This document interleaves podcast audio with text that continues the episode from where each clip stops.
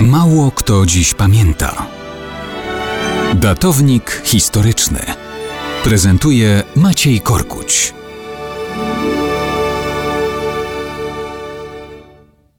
Mało kto dziś pamięta, że 4 listopada 1794 roku wojska rosyjskie atakujące Warszawę wtargnęły na Pragę.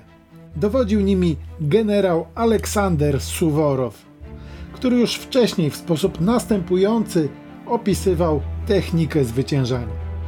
Nieprzyjaciel ucieka do miasta, obróć jego działa za nim, strzelaj mocno w ulicę, bombarduj żywo.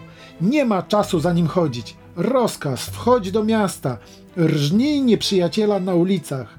Konnica rąbie, nie chodź do domów, bij na placach, szturmuj tam, gdzie zasiadł nieprzyjaciel. Zajmij plac, stawiaj wartę. Zdobycz jest święta. Weźmiesz obóz, wszystko wasze. Weźmiesz twierdzę, wszystko wasze. Więc Rosjanie szli i mordowali. We krwi utopili ludność cywilną. Wymordowano lub wzięto do niewoli 18 tysięcy ludzi. Suworow sam opisywał swoje brutalne dzieło. Krew płynęła strumieniami. Wisła zaczerwieniona unosiła prądem swoim ciała tych, którzy tonęli, szukając w niej ratunku.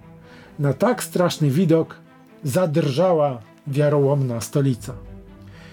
Niemal dokładnie 150 lat później, w 1944 roku, Armia Czerwona zatrzymała się u wrót Warszawy i robiła wszystko, aby przyspieszyć zdławienie powstania warszawskiego przez Niemców.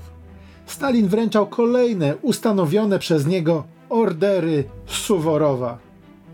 Tym czasie Niemcy podążali tym samym szlakiem, dokonywali rzezi cywilnych mieszkańców Warszawy.